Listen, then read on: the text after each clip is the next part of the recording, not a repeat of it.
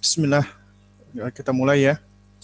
Innal nahmaduhu wa nasta'inuhu wa nastaghfiruh wa natubu ilaih wa na'udzu billahi min syururi anfusina wa min sayyiati a'malina. May yahdihillah fahuwal muhtad wa may yudlil falan tajida lahu waliyan mursyida. Asyhadu an la ilaha illallah wahdahu la syarika wa asyhadu anna Muhammadan abduhu wa rasuluh la ba'dahu amma ba'du. فإن أصدق الكلام كلام الله وأحسن الهدى هدى محمد صلى الله عليه وعلى آله وسلم وشر الأمور محدثاتها وكل محدثة بدعة وكل بدعة ضلالة وكل ضلالة في النار أما بعد uh, jamaah sekalian para ikhwan dan akhwat yang dimuliakan Allah Subhanahu wa taala alhamdulillah di pagi hari ini yaitu di hari Sabtu ya. Ya. Tanggal 25 Jumadal Ula 1443 Hijriah 1442 Hijriah bertepatan dengan 9 Januari 2021 ya.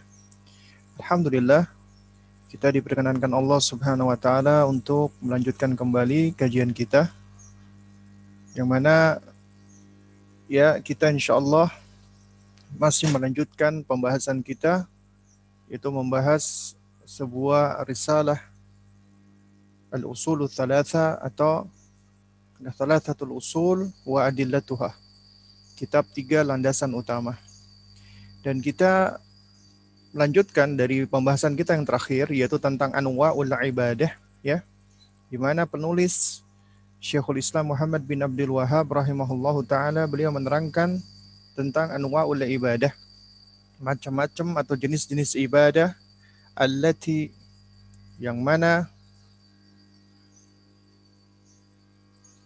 amarallahu biha yang mana ibadah tersebut Allah perintahkan.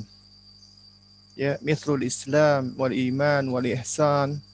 Ya seperti Islam, iman dan ihsan ini sudah kita bahas wa minhu doa wal khauf war raja. Dan juga di antaranya doa khauf dan raja takut dan raja. Nah nanti yang akan kita bahas. Ini termasuk ya bagian dari amalan hati. Wal khauf war raja wa tawakkul war raghbatu war rahbatu wal khusyu'u wal khasyah wal inabatu wal isti'anatu wal isti'adatu wal istighatsatu wal dhabuhu wan nadharu wa ghairu dhalika. Ya jadi seperti mengharap, bertawakal, cemas, ya, uh, mengharap dan cemas, khusyuk, khasyah, takut, inabah, kembali, isti'anah, meminta tolong, isti'adah, memohon perlindungan, istighatsah, juga sama, ya, memohon bantuan atau pertolongan Allah, adzabah, uh, menyembelih, nadar, dan selainnya min anwa'il ibadah allati amarallahu biha kullaha lillahi ta'ala. Dan ya selainnya dari jenis-jenis ibadah yang Allah perintahkan itu semua adalah untuk Allah. Harus murni karena Allah ya. Baik. Di pertemuan yang lalu kita sudah membahas ya tentang tentang uh, doa ya. Yaitu bahwasanya doa wal ibadah doa itu adalah ibadah dan udah kita bahas tentang ada dua macam doa yaitu doa masalah dan doa ibadah. Dan di kesempatan ini kita akan melanjutkan keterangan Syekh ya yakni tentang khauf dan roja. Dan sebagaimana telah kita ketahui, Syekh itu senantiasa mengiringi penjelasan beliau dengan dalil. Setiap kali beliau menyebutkan dia sesuatu, beliau selalu tidak pernah melepaskan dari dalil. Ya. Nah, oleh karena itu ketika beliau menyebutkan al-khauf wa raja, beliau menyebutkan dalilnya. Wa dalilul khaufi qauluhu ta'ala. Dan dalil dari takut, khauf adalah firman Allah Subhanahu wa taala. Jadi kita tahu ya, ternyata takut itu juga merupakan bagian dari ibadah. Nanti akan kita bahas ya. Yang dimaksud takut ibadah itu adalah yang seperti apa? Ya. Wa dalilul khaufi qauluhu ta'ala. Dalil takut itu merupakan ibadah adalah firman Allah Subhanahu wa taala. Yaitu surat Ali Imran ayat 175. Ya. Allah Azza wa Jalla berfirman, "Fala takhafuhum wa khafuni in kuntum mu'minin." Kata Allah Subhanahu wa taala, "Fala takhafuhum." Janganlah kalian takut kepada mereka. Wa khafuni, tapi takutlah kepada aku kata Allah. In kuntum mu'minin, apabila kalian ya adalah orang-orang yang memang beriman kepada Allah Subhanahu wa taala. Baik. Jamaah sekalian yang dimuliakan Allah Subhanahu wa taala, ya. Yang perlu kita pahami bersama, ya, yang namanya rasa takut atau khauf ya. Ini menurut para ulama di antaranya Syekh Muhammad bin Shalih Al-Utsaimin rahimahullah, juga Syekh Abdurrahman bin Nasir As-Sa'di, kemudian juga Syekh Abdul Aziz bin Baz dan para ulama yang lainnya, mereka membagi takut menjadi dua. Sebagian lagi membagi takut menjadi tiga. Ya. Nah, takut itu ada dua atau tiga macam. Yang pertama adalah khaufu tabi'i. Takut yang merupakan tabi'i, yang merupakan tabiat. Jadi takut alami lah istilahnya. Ya. Dan kita tahu bahwasanya yang namanya khauf atau takut itu adalah sebuah ya karunia sebenarnya dari Allah Subhanahu wa taala yang Allah berikan kepada manusia merupakan al-ghariza, insting, naluri. Ya. Dan namanya naluri atau ghariza itu biasanya keluar apabila distimulasi oleh eksternal. Jadi dia akan bereaksi dengan adanya stimulan dari eksternal atau dari lingkungan. Ya. Nah, jadi manusia secara asal mereka netral, tidak merasa takut. Kenapa muncul rasa takut? Karena ada sesuatu yang memicunya. Entah yang dilihat, yang didengar, yang dirasakan, yang dipikirkan, maka itu yang akan memicu rasa takutnya. Ya. Dan ini merupakan bagian dari naluri manusia ya. Kalau ini yang berupa takut tobi'i, naluri untuk mempertahankan diri karena manusia memiliki insting naluri untuk mempertahankan diri. Dia akan bereaksi ketika ada sesuatu yang dapat mengancam atau membahayakan atau membinasakan atau menghancurkan atau menyakiti dirinya. Ya. Nah, jadi ini yang ini yang disebut dengan takut tabi'i. Ya. Seperti misalnya kita takut dengan hewan buas. Ketika kita melihat hewan buas, tiba-tiba muncul perasaan ngeri di dalam diri kita. Ini namanya takut tabi'i ini adalah sesuatu mekanisme yang udah Allah berikan kepada kita agar kita bisa menyelamatkan diri dengan adanya ya perasaan takut kita. Supaya kita nggak ngawur nggak sembarangan menerjang bahaya begitu saja ya. Dan juga misalnya ada apa api yang sedang berkobar besar ya. Nah itu juga akan menimbulkan perasaan takut. Lalu kemudian kita melihat dari ketinggian ya itu juga akan menimbulkan perasaan ngeri, perasaan takut juga. Lalu kemudian kita melihat uh, ketika di atas kapal ya, apa samudra yang ber, yang bergelombang besar. Kemudian muncul perasaan takut pada diri kita.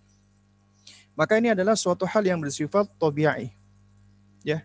Ini sifatnya tabi'i dan yang sifatnya tabi'i itu ya adalah alami, artinya ini sesuatu yang Allah Subhanahu wa taala berikan kepada manusia. Dan ini hukumnya adalah tidak berdosa. Ya. Hukum asalnya adalah tidak berdosa.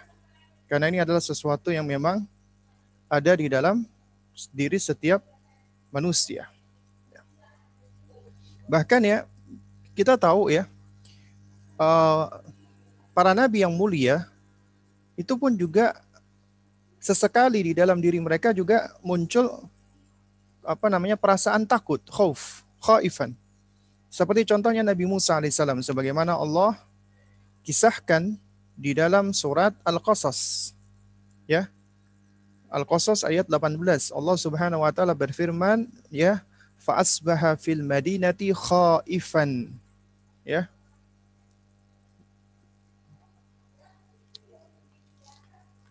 Yataraqqabu fa idzal ladzi ya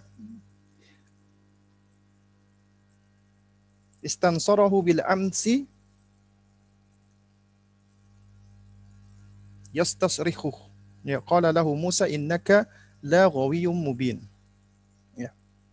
Nah fa asbah fil madinati khaifan. Nah karena itu jadilah Musa di kota di kota itu merasa takut khaifan ya jadi beliau merasa takut ya apa namanya? Yataraqqabu fa idzal ladzi istansarah. Ya. Nah, jadi beliau di, di kota itu merasa takut menunggu-nunggu dengan khawatir akibat apa yang beliau lakukan. Ya. Karena beliau sebelumnya ya sempat uh, terprovokasi ya. Uh, kalau kita lihat kisahnya ya oleh uh, salah seorang dari Bani Israel yang sedang berantem dengan uh, dengan orang Mesir.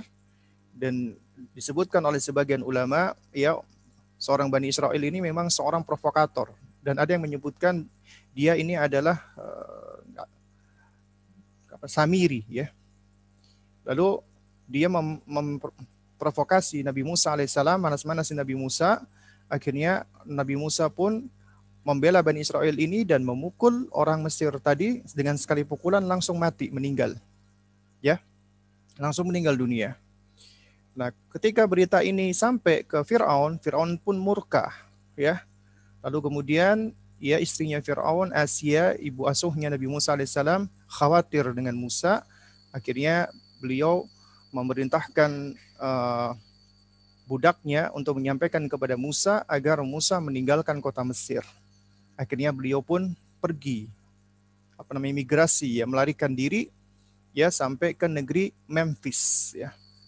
Jadi sampai ke negeri Memphis dan di situ ya beliau dalam kondisi ya sebagai manusia biasa ya beliau merasa takut, beliau merasa khawatir ya. Dan ini adalah suatu hal yang lumrah yang yang manusiawi ya. Nah, namun perlu kita pahami bersama ya, apabila rasa takut ini itu menyebabkan seseorang meninggalkan kewajiban atau malah melakukan perbuatan-perbuatan yang haram, maka rasa takut ini bisa berubah menjadi haram. Ya. Bisa berubah menjadi haram, ya. Nah. Jadi apa namanya? Uh,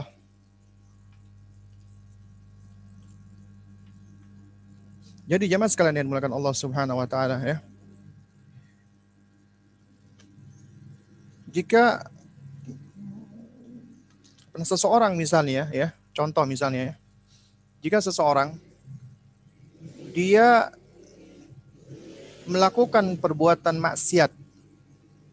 Misalnya dia turut merokok atau minum khamar. Karena kalau nggak dia nggak ikut ngerokok dan nggak minum khamr takut dijauhi teman-temannya takut dibully teman-temannya takut dihinakan teman-temannya ini maka adalah rasa takut yang tercela. Ya. Ini adalah rasa takut yang haram. Atau misalnya seseorang dia menolong keluarganya atau orang tuanya di dalam hal-hal yang sifatnya kesyirikan atau kemaksiatan atau kebitahan. Ya, misalnya bikin acara-acara apa ritual-ritual dengan alasan takut orang tuanya marah. Takut orang tuanya murka. Jadi takutnya dia kepada manusia menyebabkan dia melanggar syariat Allah. Maka ini hukumnya haram.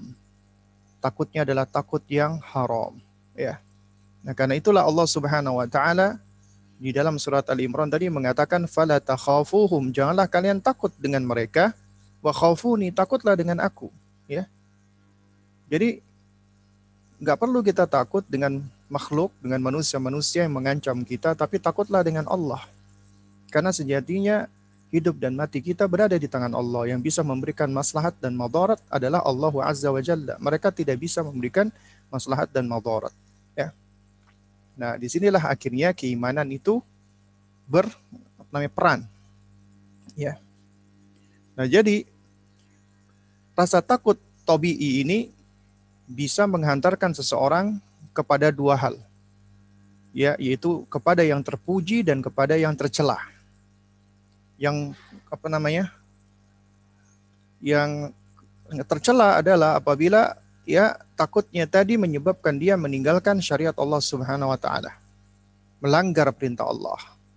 Yang terpuji ya apabila ya dia menjadikan takutnya lebih besar kepada Allah Subhanahu wa taala. Ya sehingga dia takut lebih takut dengan ancaman Allah Subhanahu wa taala. Ya. Maka ini adalah takut yang apa namanya terpuji. Dan juga di antara takut yang apa namanya tercela ya adalah ya ketika seseorang dia uh, ketika melakukan perbuatan keburukan lalu dia sampai merasa putus asa. Ya, dia merasa putus asa dari rahmat Allah Subhanahu wa taala ya maka ini juga apa namanya termasuk takut yang tercela. Lalu kemudian ada namanya takut ya khauful ibadah, takut ibadah. Ya. Nah, ini adalah perasaan takut ya yang sifatnya adalah ibadah dan ini mutlak adalah hanya untuk Allah. Karena apabila ini dipalingkan kepada selain Allah Subhanahu wa taala, maka dia telah kafir murtad dia keluar dari Islam ya. Inilah yang disebut dengan khauful ibadah ya. Takut yang sifatnya enam ibadah ya. Nah kita bisa lihat ya eh, contohnya misalnya ya. Uh, misalnya ya kita lihat di dalam ya firman Allah Subhanahu wa taala ya. Allah Azza wa Jalla ketika berfirman ya. Misalnya di dalam surat Ar-Rahman ya. Waliman khafa maqama rabbih jannatan. Ya, kata Allah Subhanahu wa taala waliman khafa maqama rabbih jannatan. Dan bagi orang yang takut ya ya waliman khafa maqama rabbih jannatan. Maka bagi mereka bagi orang yang takut ya takut dengan Allah Subhanahu wa taala maka mereka akan mendapatkan jannatan dua dua macam surga. Ya. Wa bi ayyi ada'i rabbikuma tukadziban ya dawat afnan. Ya. Maka nikmat Rabb kamu manakah yang kamu dustakan? Ya.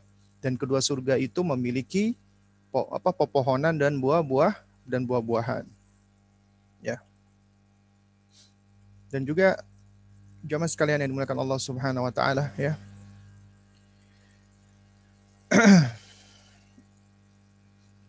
Biasanya rasa takut itu muncul karena didorong oleh syaitan ya. Di antaranya surat Ali Imran 175 Allah mengatakan inna madzalikum syaitanu ya yukhawwifu awliya'ahu fala takhafuhum wa khafuni in kuntum mu'minin ya Sesungguhnya mereka itu ya tidak lain adalah syaitan yang berusaha menakut-nakuti kamu, membuat kamu takut dengan wali-walinya, dengan penolong-penolongnya atau dengan kawan-kawannya, kawan-kawan syaitan, wali-wali syaitan. Karena itu janganlah kamu takut kepada mereka, takutlah kepadaku, kepada Allah, jika kamu adalah orang-orang yang beriman ya. Ini yang sudah kita baca tadi. Ya. Nah. Baik, lalu kemudian jamaah sekalian dimuliakan Allah Subhanahu wa taala.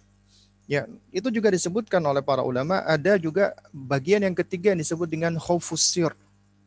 Ya, khaufusir takut dengan sesuatu yang kasat mata. Ya, yang maksud saya takut dengan sesuatu yang tidak kasat mata. Ya, dengan sesuatu yang tidak bisa dilihat. Dengan sesuatu yang gaib. Ini menurut para ulama, ya ini juga merupakan bagian dari kesyirikan ya takut dengan hal-hal yang tersembunyi, ya. Makanya termasuk syirik. Ya.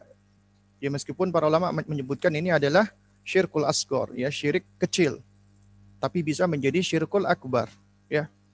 Contohnya bagaimana ya uh, apa namanya khofus sir ini? Contoh khofus sir ini adalah misalnya ya. Misalnya ada keyakinan ya ini di sini ada sebuah pohon yang dikeramatkan. Pohon beringin yang gede, yang besar, yang angker. Nah, katanya kalau orang yang lewat sana tidak pamit, tidak mengucapkan pamit gimbah, maka nanti dia akan kena penyakit atau dia akan diganggu. Akhirnya menimbulkan rasa takut kepada orang-orang nih. Ya. Nah, rasa takut mereka dengan mitos-mitos atau cerita-cerita seperti ini yang nggak bisa kita lihat ya kan? Ini suatu hal yang sir yang apa namanya yang tersembunyi ya. Artinya nggak bisa kita indra nih ya. Ya mungkin memang ini merupakan ulah syaitan tapi kita diperintahkan Allah tidak boleh takut dengan syaitan. Kemudian akhirnya kita ketika ngelewat pohon itu kita mengucapkan amit gimbah pamit gimbah ini juga termasuk kesyirikan meskipun syirik kecil juga demikian ya keyakinan misalnya orang-orang yang naik mobil ketika melewati makam jeruk purut harus ngebel dulu. Harus harus apa namanya mem memencet bel. Ya, sebanyak apa tiga kali misalnya. Ya. Ini juga termasuk khaufusir. Karena kalau enggak nanti akan diganggu oleh uh, ya yang mereka yakini di situ ya Ya ini juga termasuk apa? Termasuk khaufus sir. Juga misalnya apa namanya? Contoh misalnya ketika kita naik gunung ya. Jadi pada saat kita hiking, misalnya ada di antara teman-teman yang pernah yang pernah hiking naik gunung, itu kan biasanya diberikan pantangan-pantangan. Di antara pantangannya adalah ya nggak boleh naik gunung pada hari Rabu, misalnya. Atau nggak boleh naik gunung dengan pakai baju warna jingga atau oranye. Ya karena nanti akan begini dan begitu. Nah ini semua bentuk pantangan-pantangan yang berangkat dari mitos-mitos atau cerita-cerita seperti ini.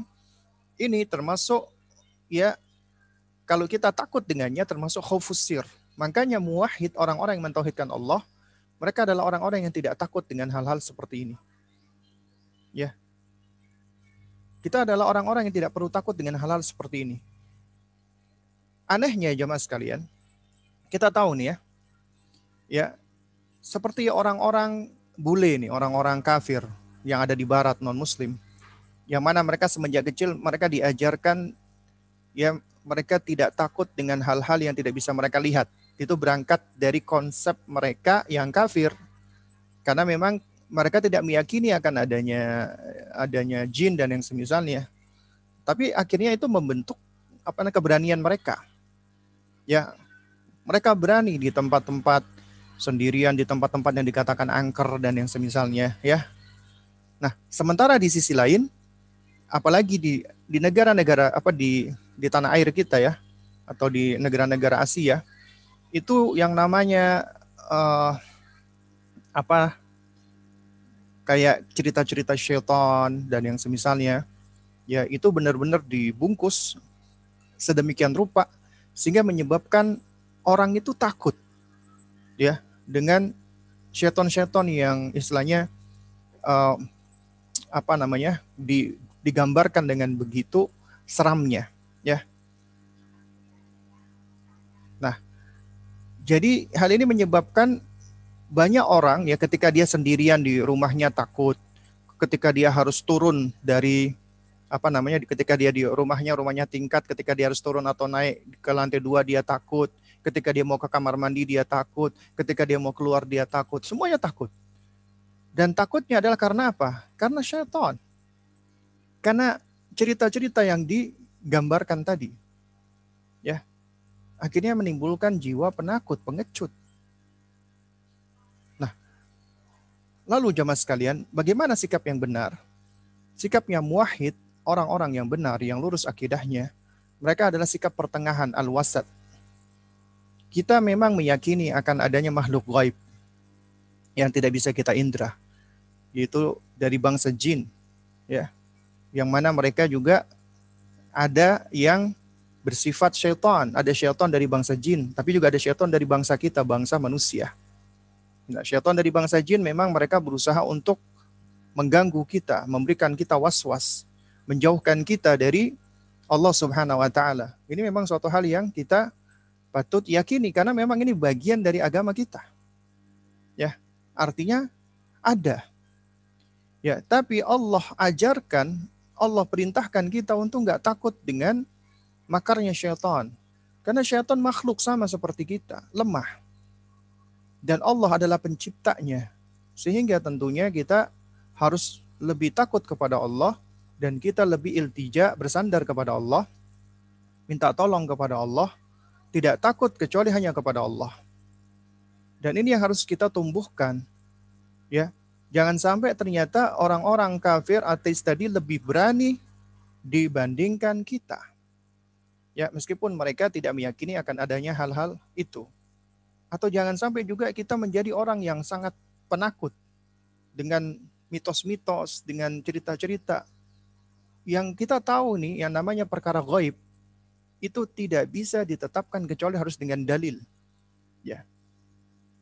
Nah, ada pun cerita-cerita manusia, ada gondoruwo, ada kuntilana atau dengan berbagai macam jenis-jenis syaitan di mana tiap wilayah, tiap negara itu punya jenis syaitan sendiri-sendiri ya. Ya. Memang ini kita nggak bisa pungkiri, bisa jadi ini memang perannya syaitan. Peran, perannya jin dari jenis eh, perannya syaitan dari jenis jin. Atau bisa juga syaitan dari jenis manusia. Atau bisa juga dari para dukun-dukun yang bekerja sama dengan para jin. Ya, ya. Nah, tapi yang perlu kita pahami bersama adalah ya, seorang muslim tidak sepatutnya takut dengan hal-hal seperti ini gitu loh. Dan ini suatu hal yang juga harus kita tumbuhkan di dalam anak diri anak-anak kita. Ya. Jangan ditakut-takuti anak kita dengan syaitan. Karena ini suatu hal yang sering kita dapati ya di dalam keluarga ya, khususnya di tanah air. Itu banyak orang tua nakut-nakuti anaknya dengan setan. Kamu nanti kalau nggak pulang ke rumah sampai maghrib kamu dimakan setan. Nanti kamu kamu kalau nanti apa namanya uh, nggak nurut sama umi kamu nanti akan diculik sama uh, wewe wewe gombel atau semisalnya. Ditakut-takuti dengan syaitan. Ya ini suatu hal yang tidak baik ya. Dan Bahayanya adalah apabila terbentuk rasa takutnya dengan sesuatu yang sir, yang tersembunyi, yang nggak bisa mereka lihat ini, itu bisa menimbulkan kesyirikan. Akhirnya apa yang terjadi? Sebagaimana kita saksikan, banyak sekali manusia akhirnya memberikan sesajen-sesajen kepada yang dianggap para penghuni-penghuni tadi. Memberikan sesajen-sesajen. Ya, dalam rangka katanya menghormati ya dalam rangka untuk berbagi dengan mereka. Tapi ini semua sudah mengandung unsur kesyirikan.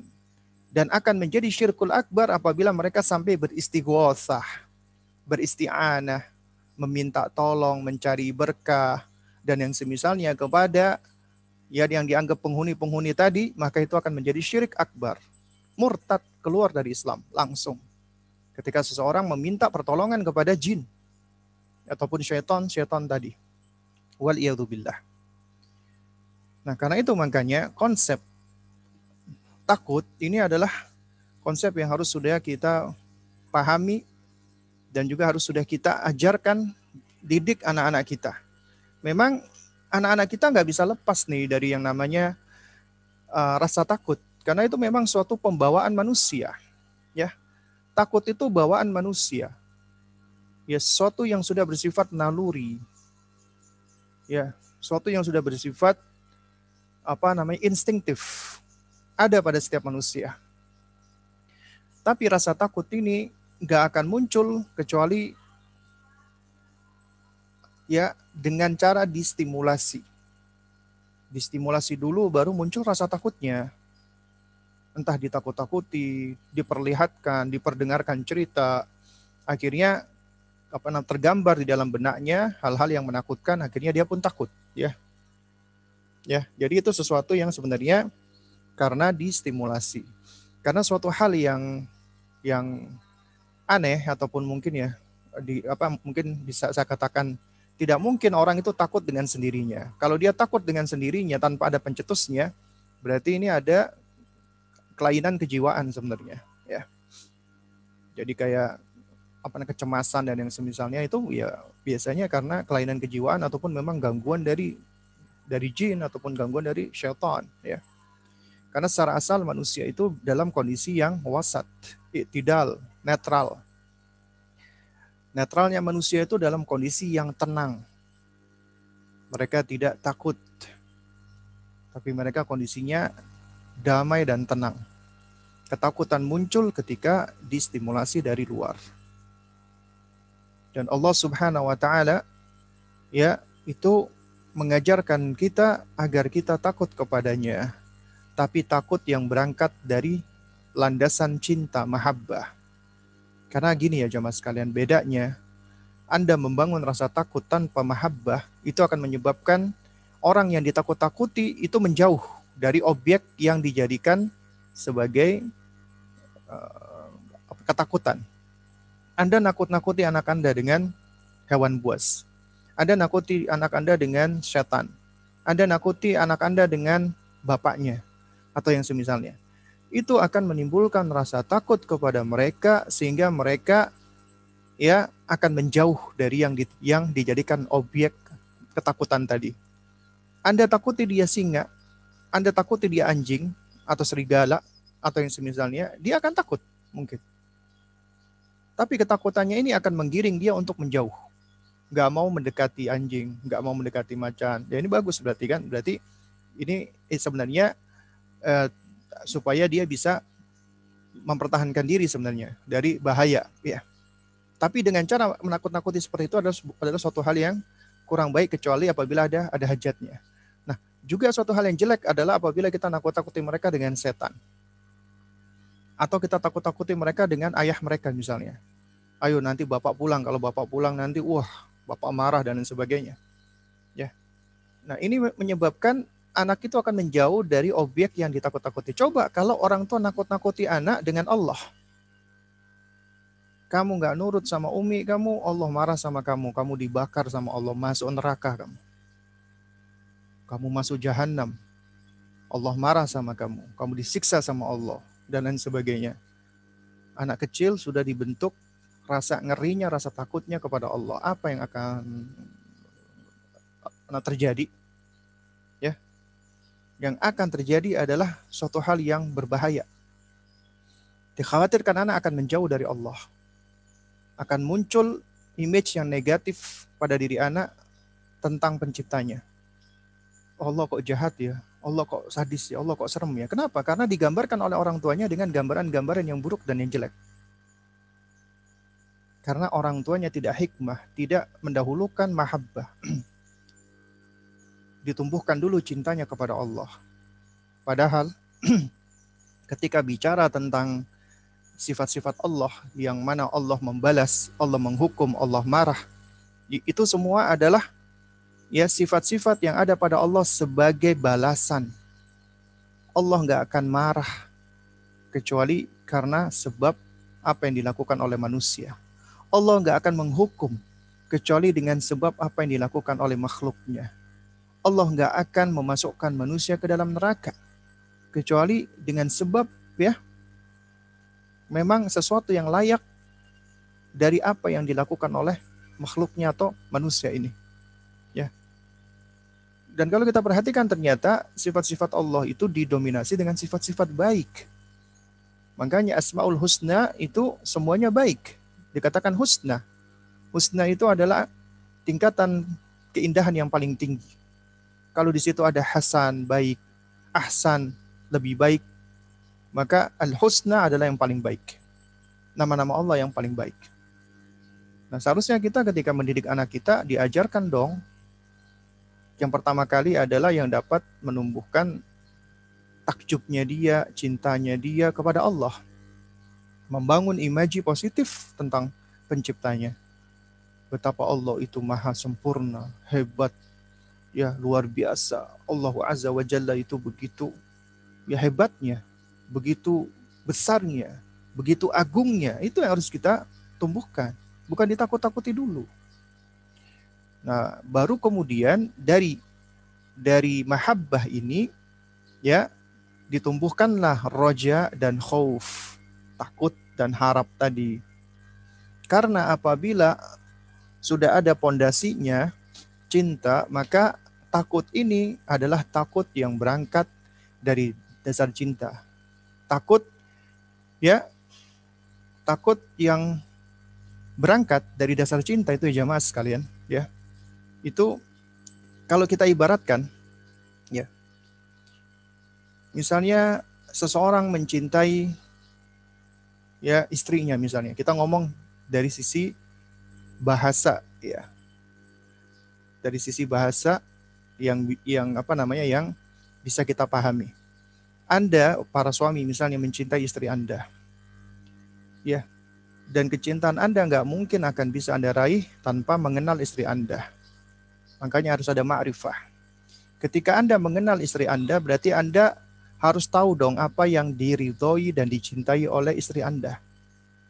Bagaimana mungkin Anda bisa ya mencintai mereka tapi Anda nggak kenal, nggak tahu apa yang dia sukai, apa yang dia benci. Ya itu berarti cuman pengaku-ngakuan doang gitu loh.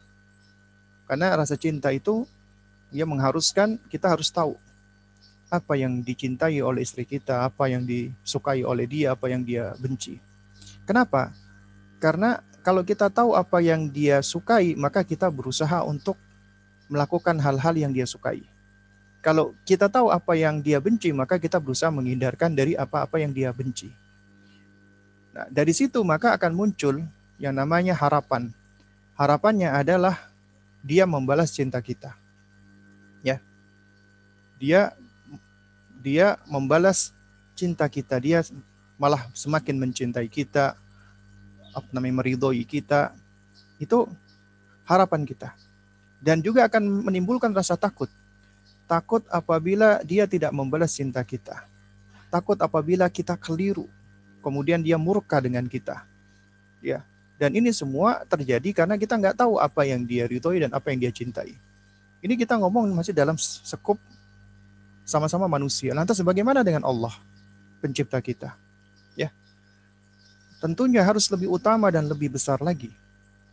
Ya.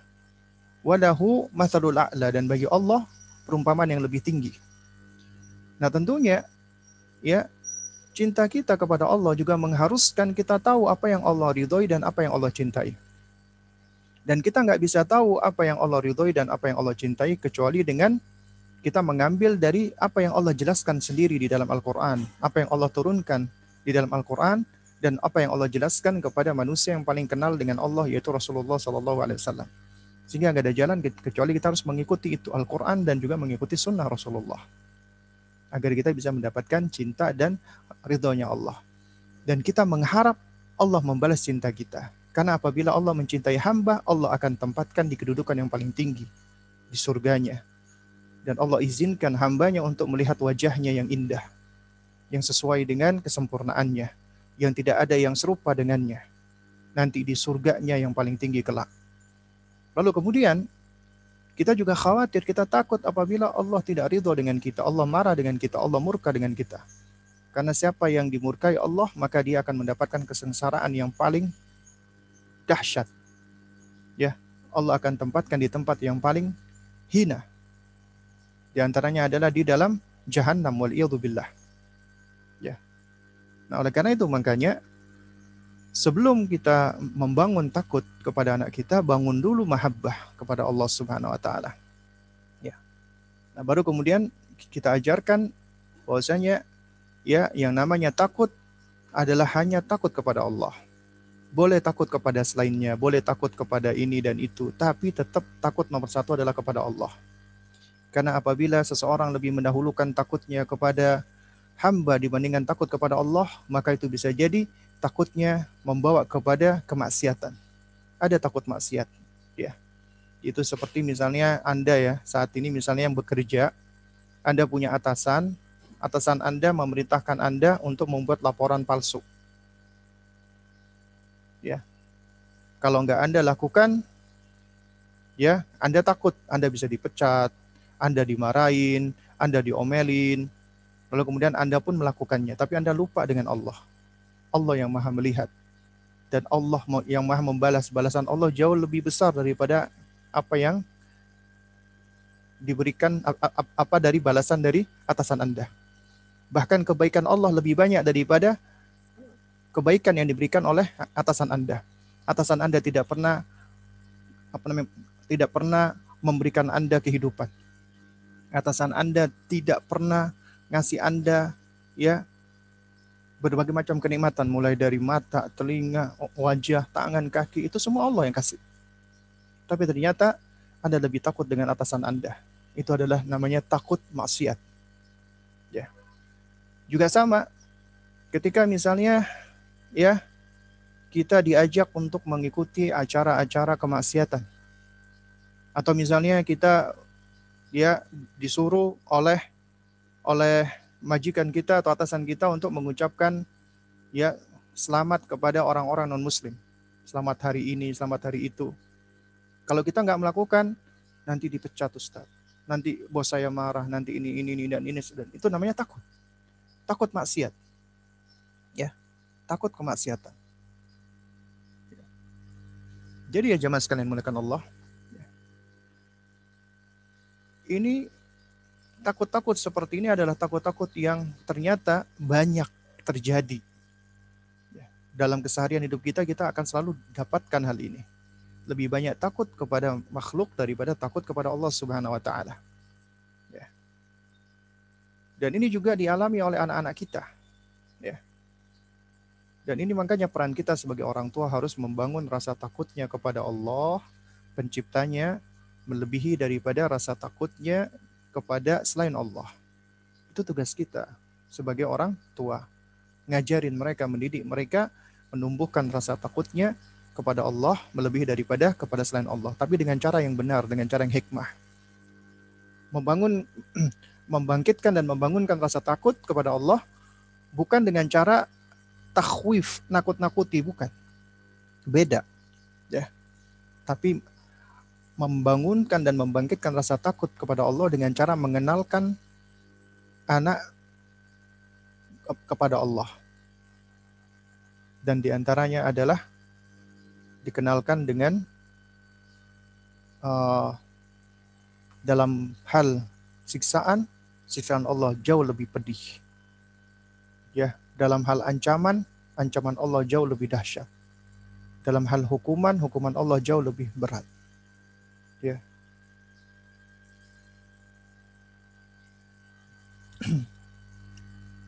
Nah, jadi jamaah sekalian mulakan Allah Subhanahu wa taala ya. Nah, ini inilah yang dimaksud dengan takut ya. Takut kepada Allah. Takut kepada Allah itu ada yang bersifat ibadah, ya ada yang bersifat juga tobi'i tobi'i ini tadi juga bisa menjadi terpuji dan namanya tercela bisa menjadi maksiat dan bisa menjadi berpahala. Ya. Taib. lalu kemudian setelah itu adalah roja harap. Nah ini selalu digandengkan antara takut dengan roja dengan harap ya. Roja harap. Bukan nama stasiun ya. Bukan nama channel TV ya. Jadi Ar-roja artinya adalah harap. Ini dua hal yang harus selalu bergandeng seharusnya. Seperti dua sayap burung, ya. Roja khauf, roja khauf, ya. Nah, kemudian Syekhul Islam Muhammad bin Abdul Wahab rahimahullah taala beliau menyebutkan wa dalilu ar-raja'i qauluhu ta'ala. Dalilnya roja mengharap atau harapan adalah firman Allah Subhanahu wa taala surat Al-Kahfi ayat 110. Allah Subhanahu wa taala berfirman, "Faman kana yarju liqa'a rabbih falyamal amalan salihan wa la yusyrik bi ibadati rabbih ahada." Kata Allah, "Faman kana yarju" ya. Barang siapa yang yarju, yarju adalah bentuk ya fi'il mudhari dari kata ya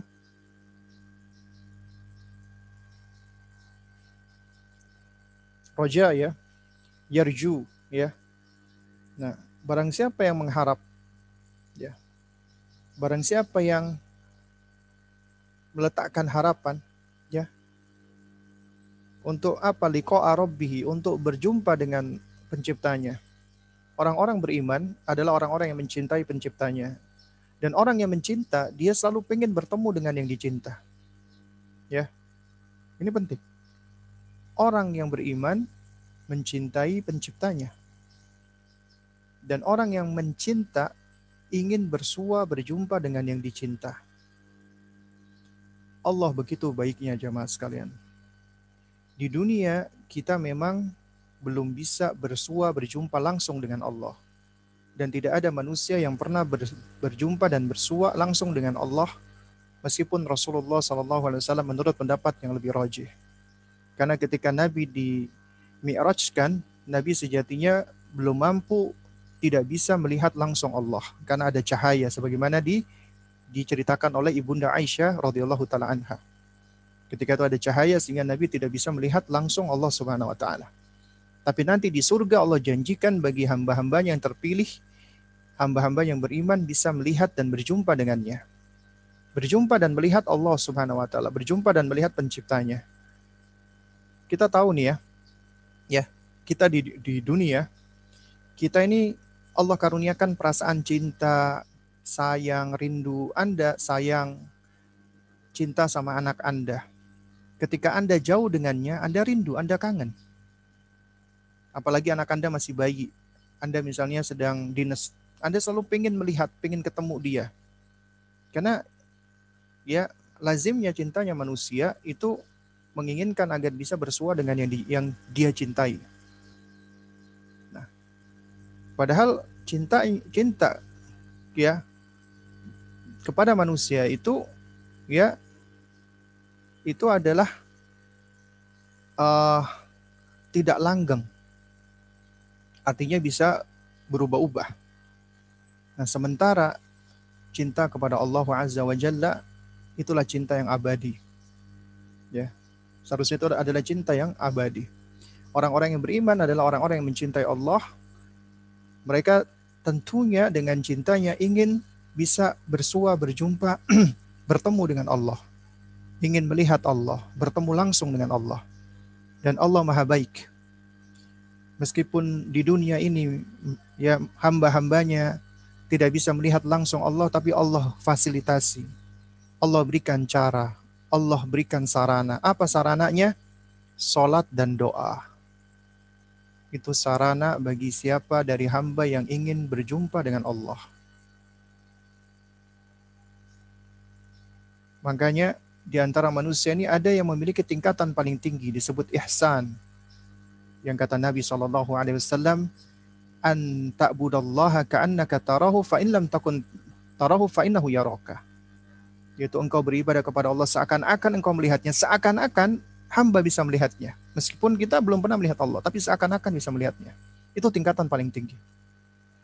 Tapi apabila engkau nggak mampu, maka sesungguhnya Allah melihatmu. Allah yang melihat kamu. Ya, Allah yang melihat Anda. Jadi ya jamaah sekalian menggunakan Allah, itulah yang dimaksud dengan ya apa namanya uh, orang-orang yang mencintai Allah Subhanahu Wa Taala. Nah oleh karena itu ya bagi orang-orang mukmin yang mencintai Allah, yang muhsin, yang ihsan, salat itu adalah sesuatu yang paling menyenangkan buat mereka, bukan sekedar sesuatu yang berat, yang memberatkan mereka, hanya sekedar kebiasaan doang atau untuk untuk menggugurkan kewajiban. Tidak. Tapi dia tahu, mereka tahu sholat itu adalah sarana seorang hamba untuk bisa bersua, berjumpa, bermunajat, berbisik-bisik kepada penciptanya. Karena saat itulah dia sedang berjumpa dengan penciptanya. Allah subhanahu wa ta'ala. Taib. Faman kana yarju liqa'a rabbih, maka barang siapa yang mengharap perjumpaan dengan Allah, dengan Rabbnya, dengan penciptanya, dengan pemiliknya, dengan pengaturnya, ya falyamal amalan salihan. Maka hendaknya dia beramal soleh, hendaknya dia berbuat dengan perbuatan yang saleh, wala yushrik bi ibadati rabbih ahada. Dan janganlah dia berlaku syirik atau berbuat syirik ya sedikit pun kepada Allah Subhanahu wa taala. Jadi dia nggak boleh syirik ya kepada Allah Subhanahu wa taala. Jamaah sekalian yang mulakan Allah Subhanahu wa taala. Ya. Manusia itu juga Allah karuniakan di dalam dirinya adanya keinginan-keinginan. Ya. Adanya kehendak-kehendak, ada al-iradah. Ya, ada keinginan, ada kehendak. Yaitu keinginan untuk mendapatkan atau memperoleh ya sesuatu. Ya. Nah. Jadi roja ini juga merupakan motor penggerak seseorang ketika melakukan sesuatu. Anda ketika misalnya ya melakukan sesuatu, pasti Anda punya ini, punya punya harapan, punya cita-cita, punya keinginan. Anda sekarang misalnya sedang belajar, pasti Anda punya keinginan. Ya, keinginannya adalah untuk meraih sesuatu. Juga demikian ketika saat ini Anda sedang melakukan pekerjaan, anda pasti juga punya keinginan, harapan, ya, agar Anda bisa mendapatkan sesuatu. Nah, roja harapan ini adalah penggerak motor. Juga demikian dengan khauf takut. Nah, tapi yang menjadi mabdaknya, pondasinya adalah cinta tadi. Ya. Cinta kepada Allah Subhanahu wa Ta'ala. Nah, Karena itu jamaah sekalian yang mulakan Allah. Keinginan, cita-cita, harapan manusia itu ada dua macam. Ya, yaitu keinginan, harapan, cita-cita yang tinggi sama yang rendah. Yang rendah adalah apabila manusia itu hanya mengharapkan apa yang ada di dunia. Yaitu hanya mendapatkan harta, kedudukan, ya, lalu kemudian juga dia mendapatkan penghormatan dari manusia atau dia mendapatkan wanita atau yang semisalnya. Ini adalah cita-cita keinginan yang rendah. Adapun cita-cita dan uh, keinginan yang tinggi ini adalah cita-cita keinginannya orang-orang beriman. Yaitu apa? Yaitu mereka mengharapkan pertemuan, perjumpaan dan balasan dari Allah Subhanahu wa taala. Ya. Harapan rendah adalah mengharapkan balasan dari manusia. Harapan tertinggi adalah mengharapkan balasan dari Allah Subhanahu wa taala karena Allah adalah sebaik-baik ya pemberi balasan. Ya. Nah. Jadi jamaah sekalian mulakan Allah Subhanahu wa taala ya. uh, para ulama ahlu sunnah seperti Al-Imam Makhul, beliau menerangkan bahwasanya ibadah itu memiliki tiga pilar. Pilar pertamanya adalah mahabbah, cinta. Pilar keduanya adalah roja, harap. Pilar ketiganya adalah khauf, takut. Dan ketiga pilar ini harus ada. Ya, harus ada meskipun yang menjadi pondasi adalah mahabbah. Kata Ibnu Taimiyah rahimahullahu taala, kelak ya dari ketiga pilar ibadah ini yang akan terus langgeng bagi orang-orang beriman ketika sudah di surga hanyalah satu, cinta saja. Mahabbah saja. Adapun ketika sudah di surga, maka akan hilang khauf dan akan hilang roja. Takut dan harap di dalam surga sudah tidak ada. Karena mereka sudah berada di dalam kenikmatan yang abadi. Yang ada adalah mereka semakin mencinta penciptanya Allah Subhanahu wa taala. Tapi selama di dunia, maka roja dan khauf ini akan selalu ada, harus selalu hadir. Ya. Nah, oleh karena itu, kembali lagi ke ucapan Imam Makhul rahimahullahu taala, beliau menerangkan bahwasanya man ya'budullah taala bil mahabbati faqad fahuwa zindiq. Siapa yang beribadah kepada Allah ya hanya dengan mengklaim cinta doang, cinta saja, tanpa roja dan khauf, tanpa harap dan takut, maka ketahuilah dia adalah seorang zindik. Zindik itu di antaranya adalah orang-orang sufi ekstrim. Kita tahu ada di antara mereka sufi-sufi ekstrim yang mengatakan bahwasanya sesungguhnya aku beribadah kepadamu ya Allah karena cintaku kepadamu. Kalau aku mencinta, kalau aku beribadah kepadamu karena takut dengan nerakamu, maka masukkanlah aku ke dalam jahanammu. Dan apabila aku beribadah kepadamu karena aku mengharap surgamu, maka haramkanlah surgamu untukku. Wal billah. Ini adalah ucapannya orang-orang sombong. Kenapa demikian? Karena Nabi kita Muhammad Sallallahu Alaihi Wasallam, Nabi manusia yang paling mulia, ya, dan beliau adalah uh, apa Sayyidatul, eh, beliau adalah apa namanya Sayyidul Mursalin, ya Sayyidnya ya para rasul. Ya. Beliau adalah penghulunya para nabi. Manusia yang paling baik, manusia yang paling apa hebat, ya. Manusia yang paling yang paling baik di muka bumi ini. Nabi berdoa, Allahumma inna nas'alukal jannah ya Allah aku memohon kepadamu surga dan beliau juga memohon perlindungan kepada Allah ya apa namanya dari siksa neraka. Ini Rasulullah Shallallahu Alaihi. Lantas bagaimana bisa ada manusia yang mengklaim mencintai Allah? Kalau aku beribadah karena mengharap surgamu, maka haramkanlah surgamu untukku. Ini manusia sombong. Ya. Makanya dikatakan oleh Al-Imam Makhul, mereka adalah orang zindik. Zindik itu adalah ya orang-orang yang ya yang punya sifat-sifat seperti sifatnya orang-orang kufur, orang-orang munafik sebenarnya, ya. Lalu kemudian juga ya wa man ya'budullaha ta'ala, siapa yang beribadah kepada Allah, ya, birraja'i faqat dengan harap doang, roja faqat, ya, maka fahwal murji, maka dia itu seperti murjiah. Salah satu kelompok atau sekte sesat. Sekte sesat di dalam Islam yang mengeluarkan amalan dari definisi keimanan. Artinya amalan itu nggak mempengaruhi keimanan. Artinya ketika Anda melakukan amal soleh, iman Anda nggak akan berubah. Tetap Anda beriman. Begitu saja, stagnan. Tidak bertambah dan tidak berkurang. Apabila Anda berbuat maksiat, juga Anda tetap orang beriman. Jadi iman Anda nggak akan berubah. Implikasi dari pendapat mereka adalah ya imannya orang soleh dengan orang toleh sama. Ya, imannya Nabi dengan imannya orang fasik sama. Karena iman itu adalah satu kesatuan yang tidak bertambah dan tidak berkurang. Ini adalah kelompok sesat burjiah.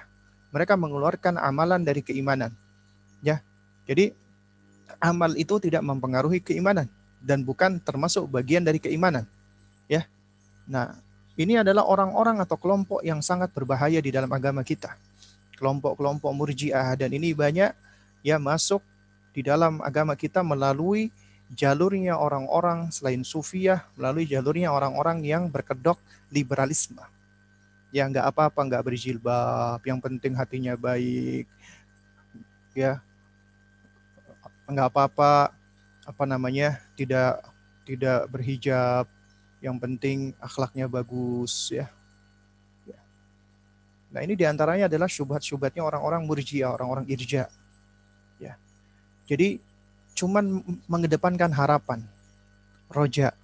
Ya insya Allah nanti diampuni Allah, insya Allah nanti di, dimaafkan oleh Allah Subhanahu Wa Taala. Ya. Mereka adalah termasuk salah satu sektor yang paling sesat ya di muka bumi ini. Kemudian yang ketiga kata Imam Makhul rahimahullah, "Wa man ya'budullaha ta'ala bil khawfi faqat fahuwa al-haruri." Ya. Siapa yang beribadah kepada Allah dengan rasa takut doang, hanya dengan rasa takut saja, maka ketahuilah dia adalah seorang haruri. Haruri itu adalah nisbat kepada kelompok khawarij. Kenapa dikatakan haruri? Karena mereka markasnya adalah di suatu wilayah yang disebut dengan uh, itu apa namanya? Harurah ya. Makanya disebut dengan haruri. Jadi mereka adalah orang-orang khawarij. Khawarij ini adalah salah satu sekte yang paling ya yang paling keras disebut oleh Rasulullah. Nabi itu menjaga lisannya ketika bicara. Ya, Nabi jarang sekali menyebutkan kata-kata yang yang keras. Tapi ketika Nabi menyebutkan sekte Khawarij, Nabi tidak segan-segan menyebutkan mereka sebagai kilabun nar, anjing-anjing neraka. Dan hadis-hadis Nabi tentang Khawarij ini ya menunjukkan betapa ngerinya sekte ini. Ya, bahkan Nabi ketika berbicara tentang sekte ini, beliau sampaikan kepada para sahabat Nabi yang mana kita tahu sahabat adalah orang-orang yang ibadahnya luar luar biasa. Ya. Itu Nabi Nabi katakan kepada sahabat ya, kalian akan akan menganggap remeh, akan menganggap kecil ibadah kalian dibandingkan mereka. Ya. Dibandingkan orang-orang Khawarij ini. Karena mereka adalah orang-orang yang berpuasa di siang hari dan sholat malam di malam hari sehingga jidatnya menjadi hitam, badannya kurus, karena banyaknya ibadah. Ibadah mereka didorong oleh rasa takut yang luar biasa kepada Allah. Takut kemurkaan Allah, takut kemarahan Allah. Saking takutnya orang yang bermaksiat dikatakan kafir. Padahal ahlu sunnah tidak mengkafirkan orang yang melakukan maksiat. Orang mencuri tidak kafir. Orang berzina tidak kafir. Orang minum khamar tidak kafir. Ya, tapi orang kharij mengkafirkan mereka. Ya, dikafirkan. Keluar dari Islam. Halal darahnya, boleh ditumpahkan darahnya. Ya. Oleh orang-orang Khawarij ini tadi. Ya. Kenapa? Karena mereka lebih didominasi dengan rasa takut. Tanpa diiringi dengan cinta kepada Allah dan roja, harap kepada Allah. Akhirnya ya mereka ini adalah orang-orang yang maghrur.